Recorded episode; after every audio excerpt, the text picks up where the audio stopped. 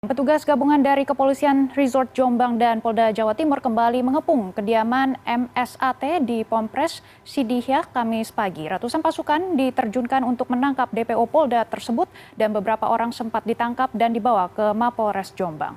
Suasana di Dusun Losari, Desa Pelosok, Kecamatan Peloso, Jombang, Jawa Timur kembali mencekam. Ratusan pasukan BRIMOB langsung masuk ke areal pondok pesantren milik Kiai Mukhtar Mukti, ayah dari DPO kasus pencabulan santri.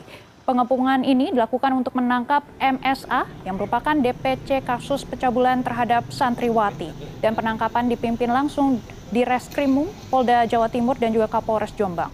Jumlah orang sempat ditangkap karena diduga hendak menghalang-halangi petugas. Dan meski begitu, hingga kini suasana juga masih terkendali dan aparat juga masih berjaga di depan pintu gerbang Ponpes guna mengantisipasi hal-hal yang tidak diinginkan.